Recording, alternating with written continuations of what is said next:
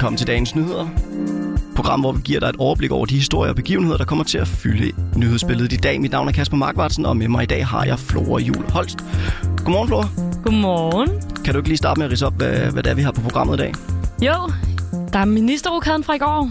Øh, og så er det jo i dag, at fodboldklubben Brøndby tager hul på deres Champions League-eventyr. Og så er der jo selvfølgelig situationen i Afghanistan også. Den kan vi næsten ikke lade være med at runde, synes jeg. Nej, og til sidst så ser vi også på nogle af dagens avisforsider. Ja, men lad os starte med ministerrokaden, som jeg jo fortæller om, i hvert fald i en overskrift. I går, for jeg der ikke har hørt det, så overtog Socialdemokratiets politiske ordfører Jesper Petersen Uddannelses- og Forskningsministeriet efter Ane Halsbro Jørgensen. Og hun bliver så den nye kultur- og kirkeminister. Og stedet, jeg måske burde have begyndt, det er jo i virkeligheden, hvorfor ser vi den her rokade? Og den starter med den tidligere kulturminister og kirkeminister Joy Mogensen. Hun fortalte nemlig søndag på sin Facebook-profil, at hun trækker sig som kultur- og kirkeminister. Og hvad er det så for de to ministerier? Hvad er det for nogen, hun forlader? Det er det, jeg synes, vi skal kigge lidt på. Og det ved Helene Helbro Petersen. Hun er professor i statskundskab på Aarhus Universitet, og øh, hun fortæller, at ministerierne har en rimelig central ting til fælles. Det kan du høre her. Det er jo begge to sådan nogle øh, værdivigtige øh, ministerier, der er vigtige for værdipolitikken og for det socialdemokratiske program. Så Kultur- og Kirkeministeriet det er jo vigtigt i forhold til at tegne en profil af Socialdemokratiets øh, kulturpolitik, og det spil, har altid spillet ind, og det spiller fortsat ind i klasseforståelse og andre måder at prioritere pengene på. Så selvom det måske er det dyreste ministerium i øh, regeringen, så er det et vigtigt værdibærende ministerium. Ja, okay. Det var så Kultur- og Kirkeministeriet. Så ikke så dyrt, men rimelig stor værdi. Ja. Hvordan øh, ser det ud for øh, Jesper Petersens uddannelses- og forskningsministerium? Hvordan ser det ud med det? Jamen, det har vi jo også spurgt Helene Helbro Petersen om. Ah, det var heldigt. Uddannelses- og Forskningsministeriet, det er jo et af de ministerier, der har sagt sig lidt frem og tilbage, hvordan de, hvordan de forskellige ressortområder er blevet, er blevet lagt sammen.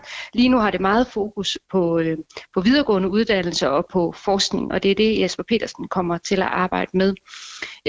Det er i hvert fald i den seneste tid også blevet et ministerium, der på samme vis som Kulturministeriet er blevet vigtigt for Socialdemokratiet, fordi det netop bliver en del af at få gjort Danmark balanceret, som de siger, altså at få fordelt også uddannelsespladser mellem by og land øh, på en bedre måde. Så det er også et centralt øh, ministerium for regeringen i øjeblikket.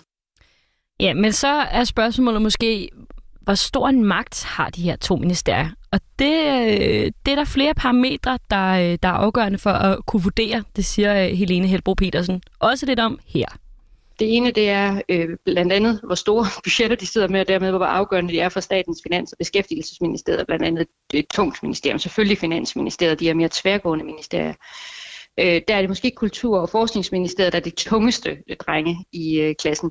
Men en anden vigtig ting, det er, hvilke personer, der sidder i, øh, på ministerposterne. Og der er der i hvert fald øh, sådan en som Anne Halsbo, er tæt placeret på statsministeren, og kan dermed måske også få større tyngde i øh, de diskussioner, der vil være internt i regeringen. Okay, så øh, ja, yeah. det, det, det er lige at se, synes jeg. En halsbro, der er åbenbart bare noget spændende der. Vi må vente og se. Øhm, kulturministeren, hun har faktisk skrevet på sin Facebook, at hun glæder sig til at lave noget helt, helt andet end politik. Øhm, så i mellemtiden, så er det jo de to andre minister, der tager over, og dem, der venter der altså nogle forskellige opgaver. For hele regeringsholdet, der venter det forud nu, at de ligesom skal have sat Øh, det socialdemokratiske regeringsprogram øh, og forståelsespapiret i spil igen, efter at corona jo har, har overtaget alt. Øh, specifikt for Kulturministeriet, så har det været en af de ministerier, som i hvert fald i forhold til mediedækningen og i forhold til dem, der har været tilfredsheden, en af dem, der måske ikke har klaret det så fint igennem. Så der bliver noget oprydning. For Jesper Petersen, øh, der bliver han nu sat for bord inden for en reform, der er blevet pustet i gang af Anne Halsbo, altså at vi skal til at flytte uddannelsespladser ud i landområderne, eller i hvert fald uden for de, de store byer. Øh, og øh, det bliver jo helt sikkert et sted, hvor der vil være nogle, nogle slåskampe, der skal tages, både for partiet og for ministeriet.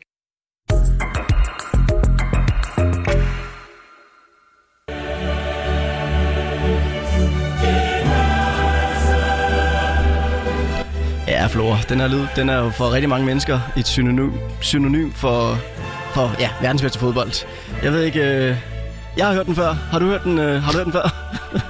Jeg er faktisk lidt i tvivl. Jeg synes, det lyder meget som min opvækst hjemme i Jordsjælland. Nej, det er simpelthen jeg får, jeg får gås ud af det, og det har, altså siden jeg var, har været barn, der har det været sådan kæmpe drøm. Altså, jeg, jeg, har, selv, jeg har selv, selv spillet fodbold i mange år, og altid drømt om at stå, og så, så høre den der Champions League-hylden, der hvor man står om sine holdkammerater, så... Som spiller? Ja, som spiller.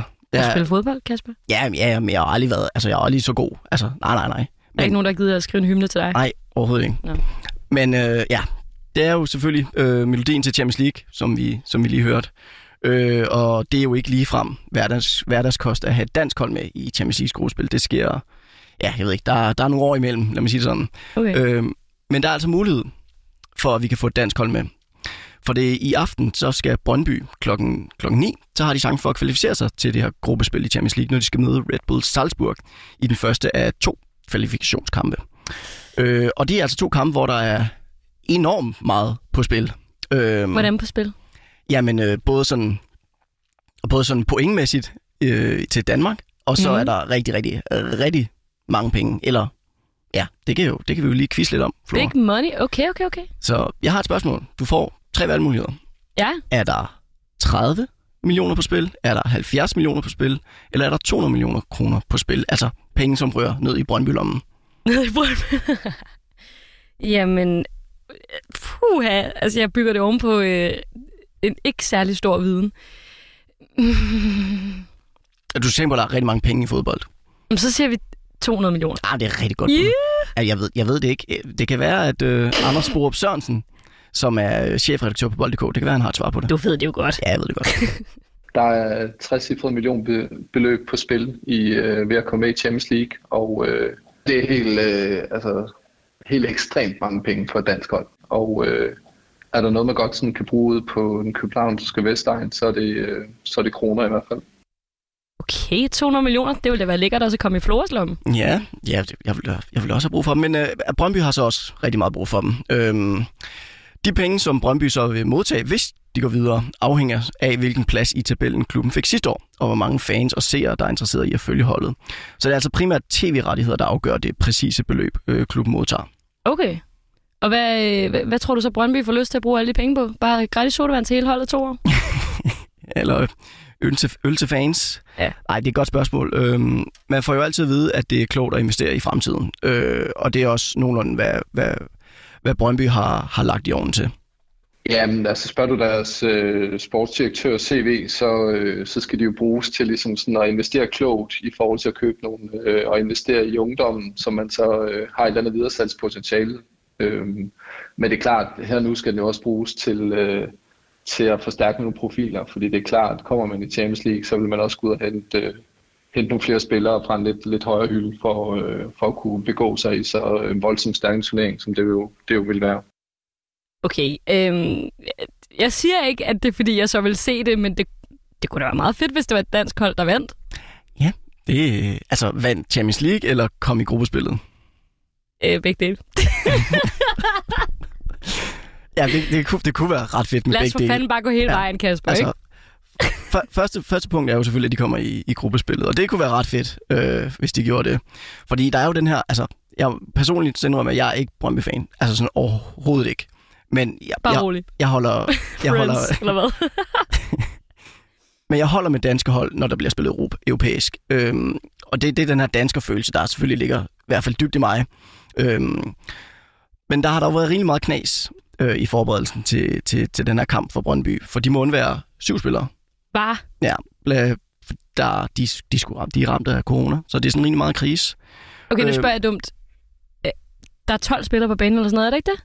Jo, jo, men altså Brøndby, altså Brøndby har jo ikke kun 12 spillere. De har jo, jeg ved ikke, 25-30 okay, spillere. så råber de lige, Karsten, kom lige hen fra bænken. Og ja, så, okay, fint ja. Øhm, så selvom de i princippet kun er to, kamp, to kampe væk fra gruppespillet, så er deres chance altså noget dårligere, fordi de selvfølgelig er hårdt ramt af, af corona. Øh. Alt kan jo ske i fodbold, kan man sige, men, øh, men jeg vil spå dem som meget, meget, meget, meget minimale.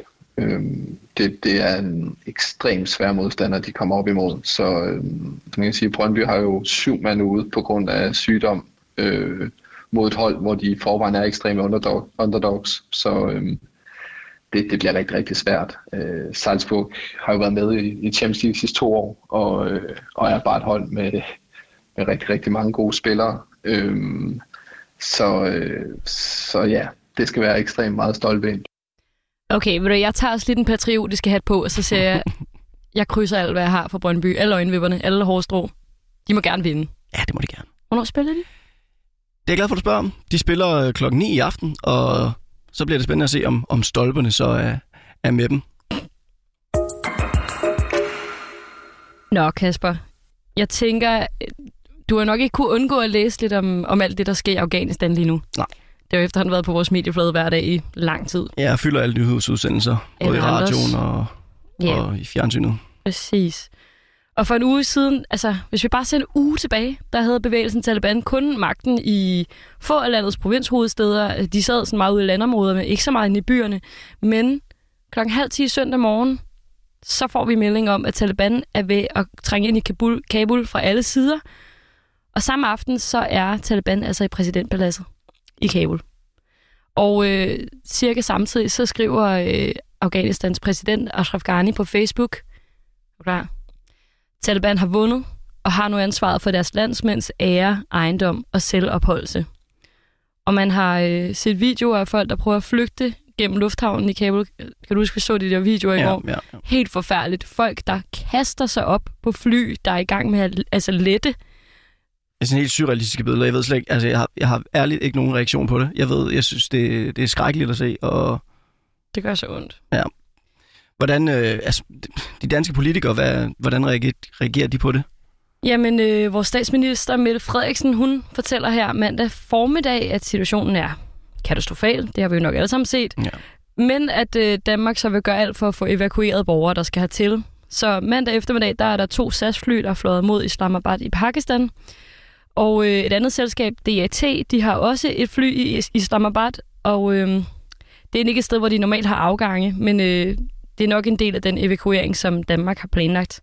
Og vores udenrigsminister Jeppe Kofod, han bekræfter så også tidlig mandag aften, at, øh, at vi netop samarbejder med Pakistan om at evakuere.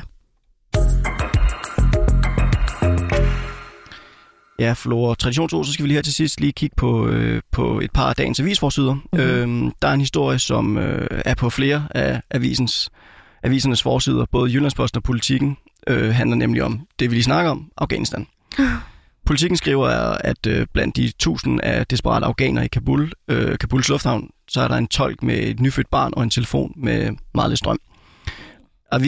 Avisen skriver, at tolken øh, må, måske kommer til, kommer til Danmark, og billedet på forsiden viser et fly i øh, Kabuls lufthavn, hvor mange mennesker står ved siden af flyet, altså på landingsbanen, det som vi, det, som vi taler om lige før. Der står også mennesker oven på flyveren, øh, og, og politikken har talt med flere andre, som også befinder sig i lufthavnen, og som forsøger at komme til, komme til Danmark med det, med det næste fly. Det er simpelthen så trist. Ja. Ja, og det overrasker måske heller ikke nogen, at det er også den historie, Jyllandsposten har samlet op på. Øhm, de viser billeder fra Kabul Lufthavn også, hvor at der var kæmpe kaos, og tusindvis af afghanere, de prøvede at komme ud af Afghanistan, efter at Taliban har taget over. Der var jo også øhm, syv mennesker, der døde. Ja, det, ja, det er skrækkeligt at være viden til lige nu. Ja.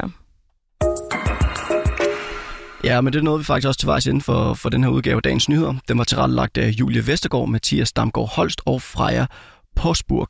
Din værter var mig, Kasper Markvartsen, og dig, Flor Juhl Holst. Ja. Yeah. Tusind tak, fordi du lyttede med.